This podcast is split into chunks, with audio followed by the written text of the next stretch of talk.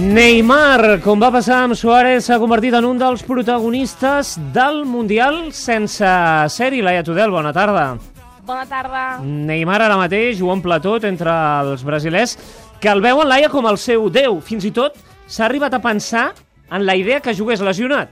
Qualsevol moviment de Neymar és seguit amb lupa aquí al Brasil. Ahir a la tarda el jugador del Barça va rebre la visita dels metges del Santos a casa i O Globo va publicar que en aquesta trobada el jugador va consultar si podia jugar a la final infiltrat.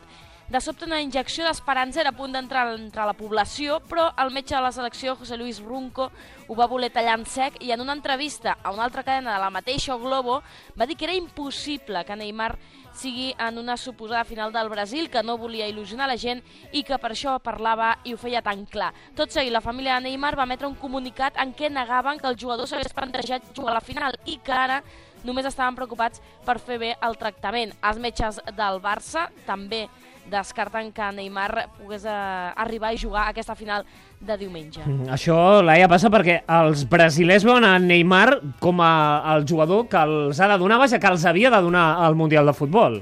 I no és fàcil. Neymar és l'estrella, el déu del Brasil, amb tot el que això significa. Màxim golejador de l'equip en aquest Mundial amb 4 gols i, a més, els dos últims gols del Brasil també han vingut després d'un córner servit per Neymar. Una de les opcions que més treballa ara Escolari és l'entrada del migcampista del Chelsea, William. Fins ara ha jugat alguns minuts en tres partits al Mundial, amb Xile, amb Camerún i amb Mèxic.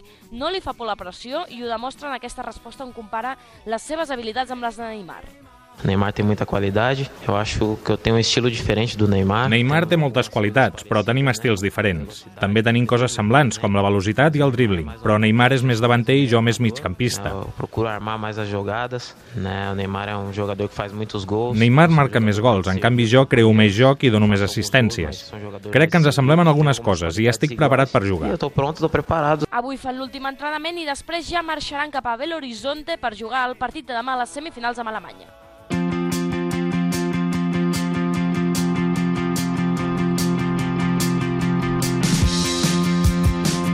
El Brasil, sense Neymar i Thiago, haurà d'eliminar Alemanya si vol ser a la final del Mundial. I ja que aquest és el Mundial dels porters, Alemanya compta com a tècnic, atenció al nom, eh? Andreas Köpke. Cassias mit äh, Buffon und mit Neuer, ohne dass man die Reihenfolge festlegen sollte. Aber Aquest és Andreas Köpke. El nom segur, segur que us recorda alguna cosa, perquè Andreas Köpke és el porter que havia de jugar al Futbol Club Barcelona. Xavi Campos, bona tarda. Bona tarda, I Robert. que mai va jugar al Barça. Eh, ara és a Alemanya, a la selecció alemanya, i passa una mica de, de puntetes, no té tot el protagonisme que hauria de tenir, i és, però no és el protagonista. La seva figura passa discretament al costat de la del seu cap, Joachim Löw. Fins i tot no té el protagonisme d'un altre dels ajudants del seleccionador alemany, Oliver Bierhoff. Però l'encarregat d'entrenar els porters de la selecció alemanya, Neuer, per exemple, i en part el responsable que Ter Stegen no hagi vingut al Mundial és Andreas Kopke. Per als més joves potser és un desconegut, però Kopke va ser a Barcelona amb la ploma preparada per fitxar pel Barça a l'estiu del 1996. Kopke venia de ser campió de l'Eurocopa amb Alemanya i el Barça va decidir fitxar-lo. El porter alemany va arribar a viatjar a Barcelona i mentre esperava a la Barceloneta menjant un arròs per firmar el seu nou contracte, Núñez va fer cas de Robson i el Barça es va gastar una milionada per fitxar Víctor Bahia. Ja fa 10 anys que Andy Kopke és el responsable dels porters de la selecció alemanya. Va començar amb Klinsmann el 2004 i ha seguit amb Lowe els últims 8 anys. El seu càrrec té la preparació del porter més segur del Mundial, Manuel Neuer. Potser no té el perfil valent de l'entrenador de porters més famós del Mundial, l'holandès Frans Hoek, i és difícil imaginar que si demà la semifinal contra el Brasil acaba en penals hi hagi canvi de porter a Alemanya, però és que Neuer és indiscutible.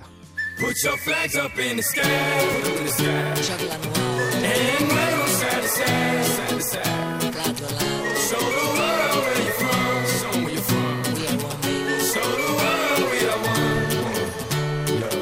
Hem parlat d'aquesta primera semifinal del Mundial d'aquest Brasil-Alemanya i ara volem parlar de l'Argentina-Holanda.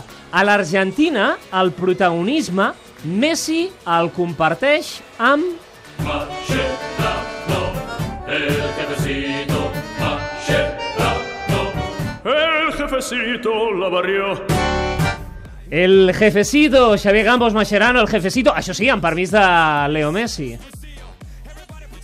Messi és indiscutiblement el líder d'aquesta Argentina, és el capità, evidentment és el millor jugador, però en cada equip no hi ha només un líder, n'hi ha de diferents, i el líder espiritual de la selecció albiceleste en aquest Mundial és Javier Mascherano. Fent de mig centre, on fa anys que no actua al Barça, el jefecito està marcant la línia als companys i sobretot als rivals.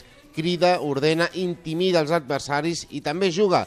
Va ser el jugador que més passades bones va fer en la primera fase del Mundial i el seu rigor tàctic està ajudant a l'Argentina a patir una mica menys del que podria patir defensivament. Si Messi és capità, és gràcies a Mascherano. Va ser ell qui va renunciar al braçal i li va dir a Sabela que li donés a Messi. Qui parla abans dels partits és Mascherano. A l'Argentina expliquen que amb el discurs que va fer al vestidor abans de jugar contra Bèlgica, l'Albi Celeste va començar a guanyar els quarts de final. Mascherano va celebrar amb ràbia sobre la gespa la classificació per a semifinals, després que l'Argentina no arribés tan lluny en un Mundial des de l'època de Maradona. Este partido hace 24 años que los argentinos lo venimos jugando. Y bueno, eh, se dio la posibilidad ayer. Fuimos nosotros los que tuvimos la suerte de estar en este momento. Pero, pero bueno, también sabemos que tenemos una responsabilidad más grande el miércoles. Mascherano està conduint el grup argentí en l'aspecte emotiu. Té un rol que haurà de mantenir el Barça la temporada que ve. Acaba de renovar i Luis Enrique té la intenció de donar-li encara més galons dels que ja té. De moment, Mascherano ha de jugar una semifinal d'un Mundial, dimecres contra Holanda. L'espera com un dels partits de la seva vida. Sobre todo va a ser clave la ilusión que tengamos de, de querer pasar. Yo hago mucho hincapié en la ilusión porque, porque creo que nos tenemos que aferrar a eso, porque estamos en, en un lugar donde hace mucho tiempo Argentina no está. Mascherano i l'Argentina han rebut una bona notícia abans de les semifinals. Di Maria semblava descartat pel que queda de Mundial, es va lesionar a quarts contra Bèlgica, no jugarà dimecres contra Holanda, això és segur, però no està descartat per una possible final. Té una lesió muscular al recte anterior de la cama dreta. Qui sí podrà jugar contra Holanda és el Kun Agüero, que s'ha perdut els partits de vuitens de final i de quarts de final i ja s'ha recuperat.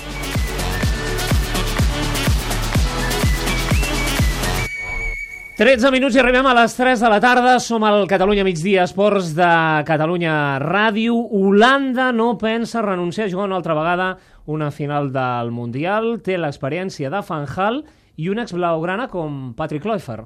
És la mà dreta de Fanjal, sempre assegut al seu costat a la banqueta, discret i amb una llibreta que consulten els dos tècnics durant el partit. Kluivert sempre ha estat molt unit a Fanjal, és que el va descobrir com a jugador, van guanyar la Copa d'Europa amb l'Ajax gràcies a un gol de Kluivert i després també el Barça se'l van dur.